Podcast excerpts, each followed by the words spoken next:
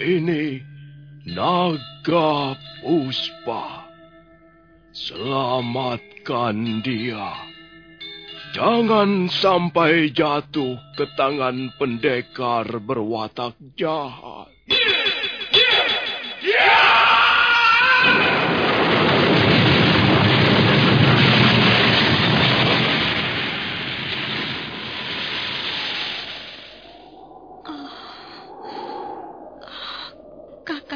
Kamandanu. Kau... Kau masih juga tidak percaya bahwa aku...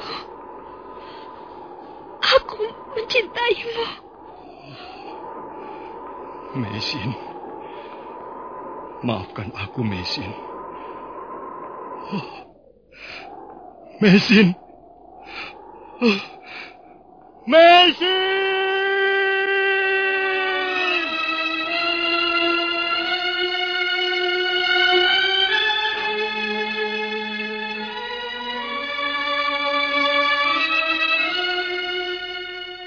Tutur Tinula.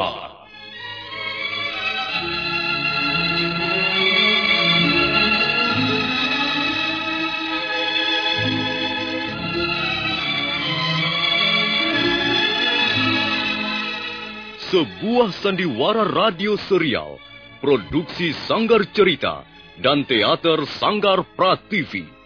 Sebuah kisah dengan latar belakang sejarah runtuhnya Singasari dan berdirinya kerajaan Majapahit.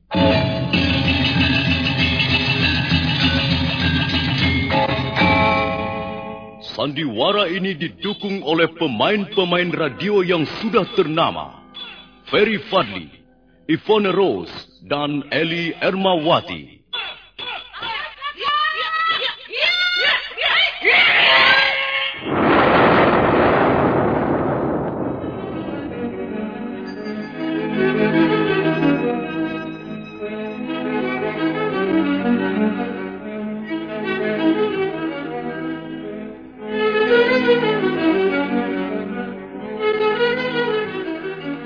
Cerita ini ditulis dan disusun oleh S. Tijab.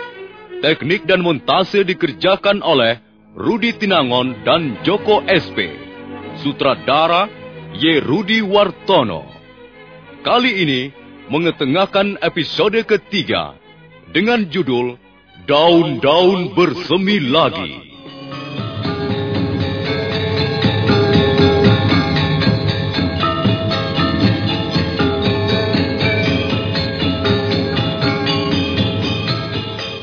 Dalam seri yang ke-75 ini didukung oleh para pemain.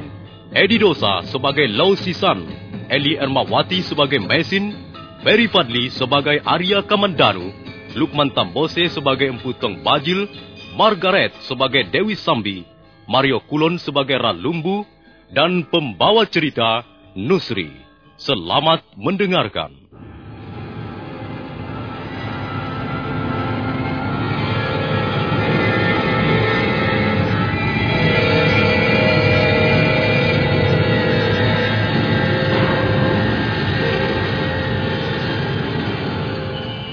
Waktu itu sinar matahari telah mulai semakin lemah.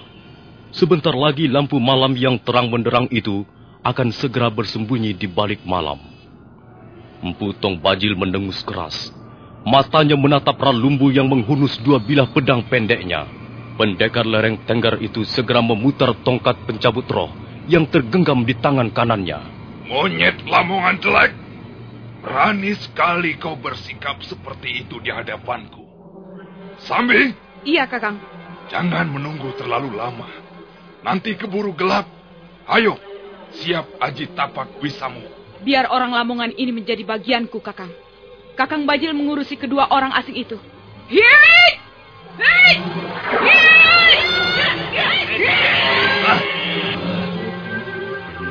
Bisamu nampaknya semakin maju. Hampir saja aku tak bisa mengikuti kecepatan jurus-jurus mautmu, Dewi Sambi. Kau tidak perlu memuji aku, Ralumbu. Kita berdiri di pihak yang saling bertentangan. Ayo, tunjukkan permainan pedang pendekmu yang sudah karatan itu. Iya, Ku terima tantanganmu. Hah? Ah, Yut, yut, yut.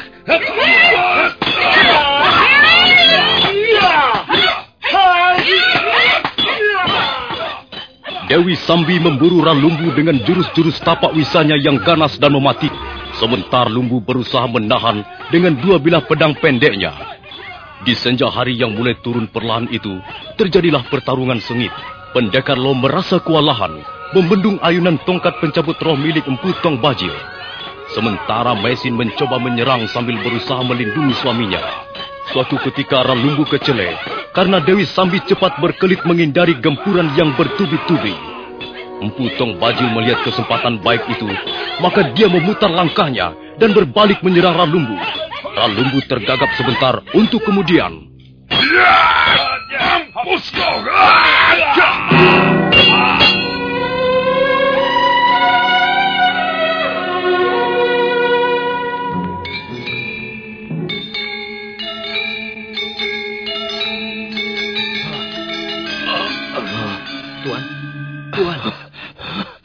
Pertarungan terhenti sejenak.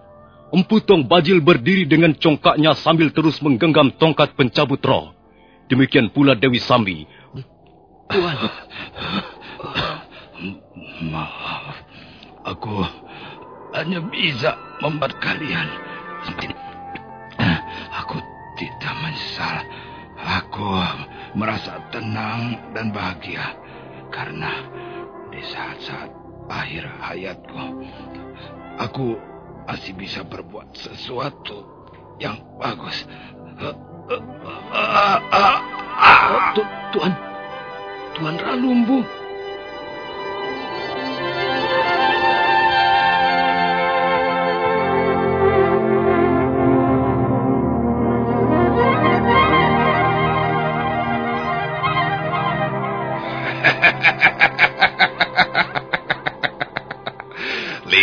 Lihatlah nasib orang yang sok jago.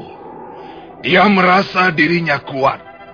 Pendekar dari Gunung Lamongan ini merasa hebat dengan permainan pedang pendeknya yang sudah butut itu. Dan karena itu, dia terkapar dengan tulang kepala remuk.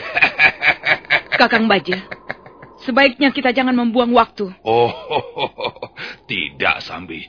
Tidak. Tapi aku masih akan bermurah hati. Kalau saja pendekar asing itu mau bersikap lunak dan bersahabat. Hei, pendekar asing. Kau mempunyai senjata yang hebat. Selama ini belum pernah kulihat senjata yang seperti kau gunakan itu. Dan untung kau mempunyai senjata yang ampuh, yang akan bisa menyelamatkanmu di negeri kami ini. Kau harus berterima kasih pada senjatamu itu, pendekar asing. Empu Tong Bajil. Baru saja kau bunuh Ralumbu. Sekarang kau mempunyai siasat apa lagi? Hmm. kalau kau tidak menurut, kalau kau tidak mau tunduk, nasibmu bersama istrimu itu akan sama persis dengan Ralumbu. Aku akan tetap pada pendirianku. Kami tidak bersalah apa-apa. Kalian tidak berhak menangkap kami. Tidak. Sebenarnya aku tidak perlu menangkap kalian. Baik. Tunggu, Sambi. Jangan kau potong bicaraku. Aku tidak setuju kalau Kakang melepaskan mereka. Mengapa kau tidak setuju? Mereka tetap harus ditangkap dan diserahkan pada pemerintah Kediri. Ah, tidak perlu begitu. Itu perintah dari Tuan Kebamundarang. Aku tidak peduli dengan kepemundaran.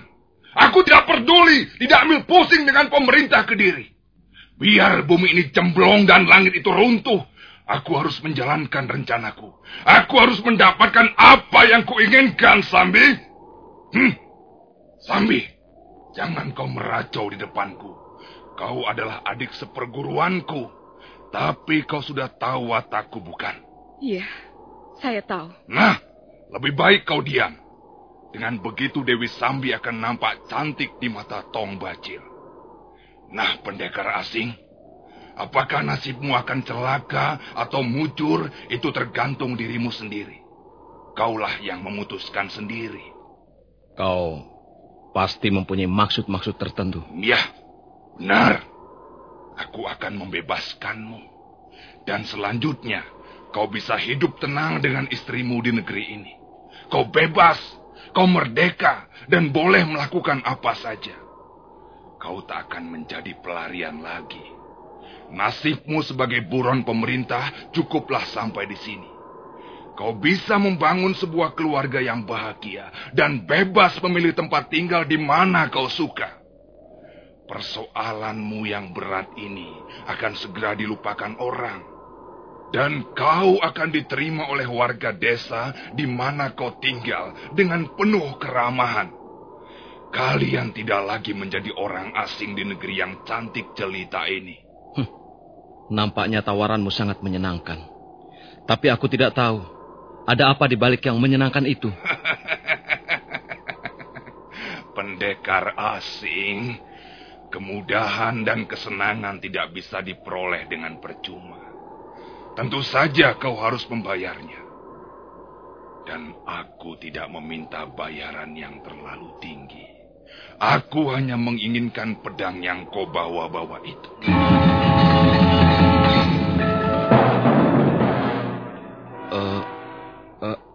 Bagaimana?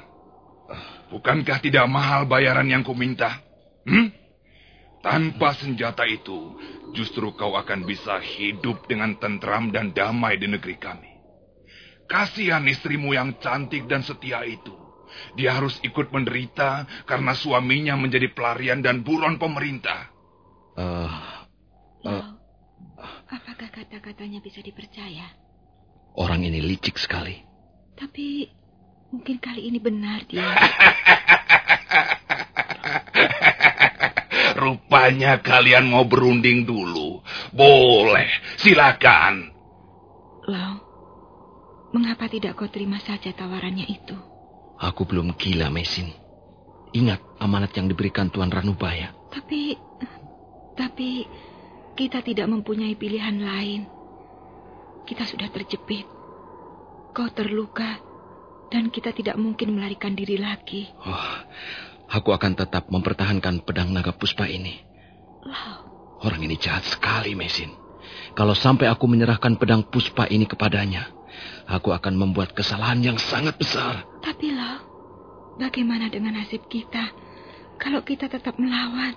Apa pun kejadiannya, kita harus memberikan perlawanan. Kita harus mempertahankan senjata ini demi kebenaran dan keadilan. Nah, bagaimana Apakah sudah bisa memberikan keputusan? Iya, kami tidak bisa menunggu terlalu lama. Uh, baiklah, baiklah Empu Tong Bajil. Aku tak punya pilihan lain. Aku memang harus menyerahkan pedang ini padamu. Nah, kau terimalah ini. Iya, iya. Tikus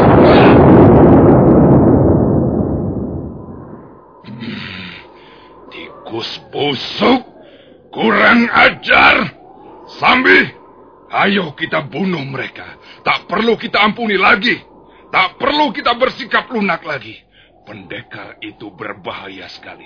Dia harus mampus. Ya!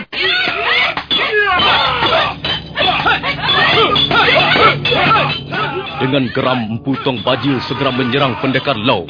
Tongkat pencabut roh menjambar kiri kanan membuat pendekar laut terpaksa memeras tenaganya. Dia nampak semakin lemah. Sambil bertarung, sekali waktu dia melompat untuk melindungi istrinya dari sergapan Aji Tapak Wisa. Hari telah hampir gelap. Cahaya mentari semakin pudar.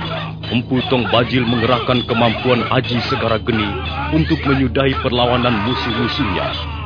Pada saat itulah, dari balik rimbunan pohon-pohon melayang sebuah bayangan Bayangan itu langsung mengentakkan kakinya ke dinding tebing dan berbalik menghantam punggung Putong Bajil.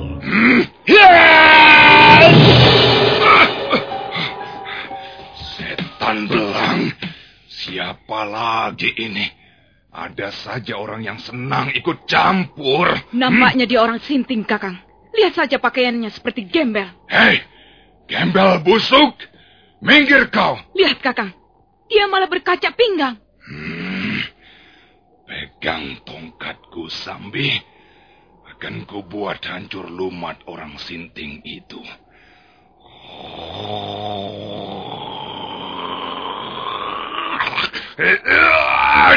Hmm, Kalau kau tidak juga mau pergi, jangan menyesal gembel busuk. Ya! Orang itu lincah sekali, Kakang. Dia melompat seperti ekor bajing. Ayo, gempur mereka. Nanti keburu gelap.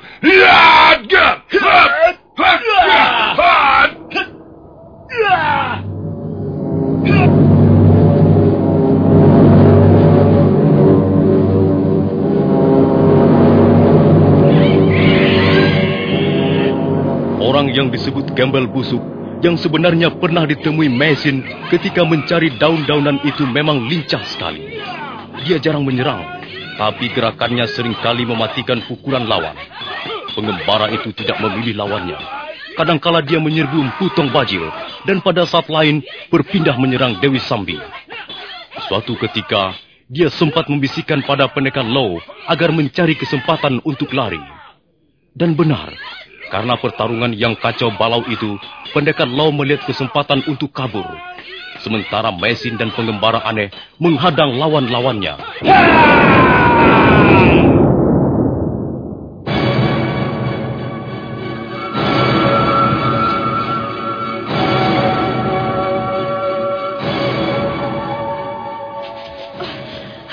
Mereka semuanya kabur, Kakang. Setan alas. Gara-gara gembel busuk itu, rencanaku berantakan. Siapa gembel busuk itu, Kakang? Kau tidak mengenal jurus-jurusnya? Jurusnya aneh dan cepat sekali. Jelas, dia menggunakan aji seipi angin untuk menunjang kecepatan geraknya itu. Entah siapa orang itu. Kita telah gagal lagi, Kakang. Iya, untuk sementara aku akan mengalah. Biar mereka bernapas barang satu atau dua hari lagi. Setelah itu, kita kejar lagi mereka. Aku akan minta pada Tuan Kebo Mundarang 200 prajurit untuk mengaduk-aduk Jasun Wungkal, desa lembah sampai Kedung Peluk. Masa iya mereka tidak bisa kita temukan?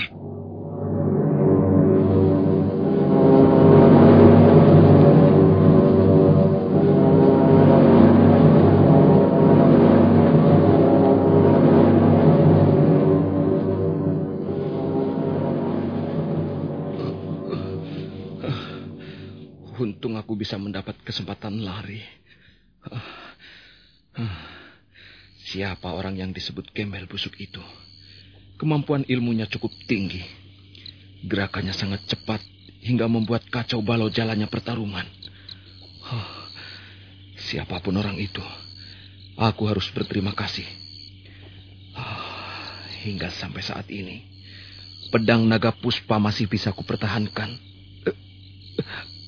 Aduh, uh, lukaku sangat sakit, nyeri sekali. Seluruh tubuhku seperti ditusuk-tusuk pisau. Dan uh, dadaku seperti terbakar. Uh, uh, uh, tapi, tapi aku, uh, aku harus terus berjalan. Aku tidak boleh berhenti di sini. Orang-orang itu pasti masih penasaran.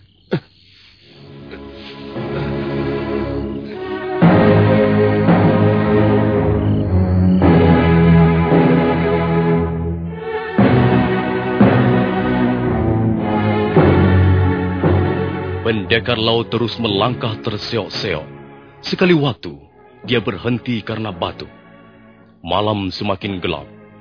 Kini jalan setapak yang dilaluinya hampir tidak nampak. Kabut putih mulai turun dari lereng gunung Arjuno. Kabut itu terus bergerak ke bawah bagaikan sesuatu yang bernyawa. Pendekar Law menggigil kedinginan ketika kabut itu menyelimuti tubuhnya.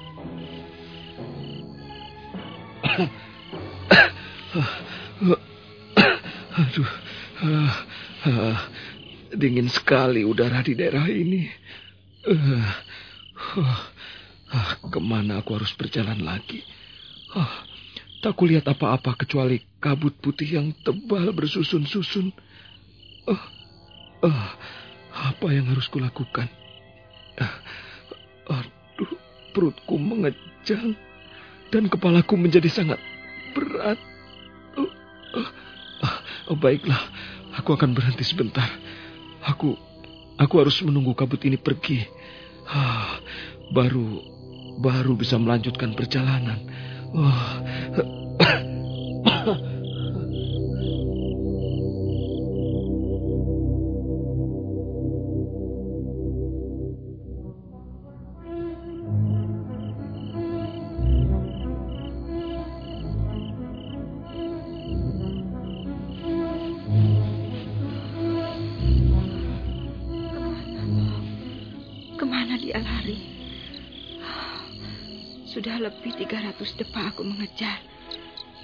Juga menemukannya. Wah, jangan-jangan dia tersesat jalan. Tadi aku dan pengembara aneh itu berusaha menghadang serangan Empu Tong Bajil dan Dewi Sambi.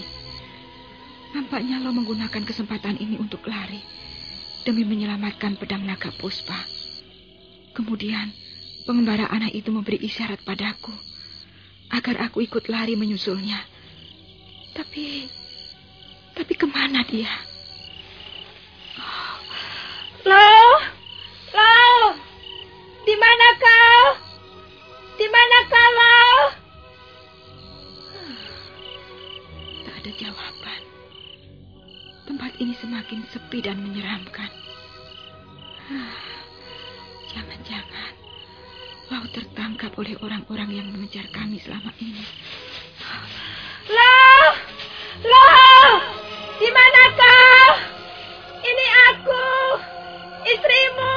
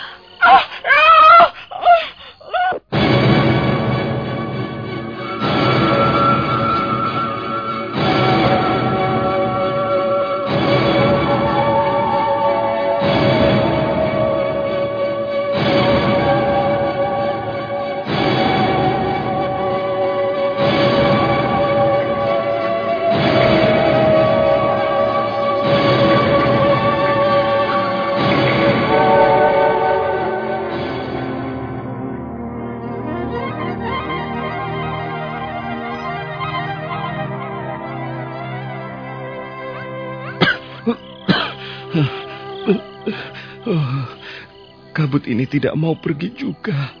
Uh, uh, uh, aku bisa mati kejang di sini. Uh, dinginnya bukan main. Uh, uh, kalau begini, uh, lebih baik aku berjalan lagi. Mungkin di sekitar tempat ini ada sebuah goa yang bisa untuk menghangatkan tubuh. Pendekar Law lalu mencoba untuk bangkit. Dia nampak sudah sangat payah ketika tubuhnya mulai merayap menembus gumpalan kabut dingin. Mendadak.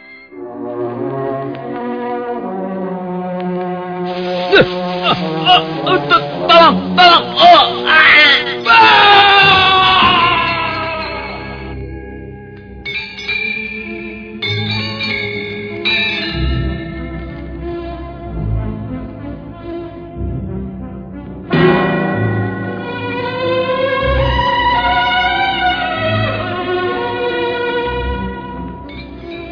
Kaki pendekar laut terperosok daun-daunan yang bertumpuk di tepian sebuah tebing.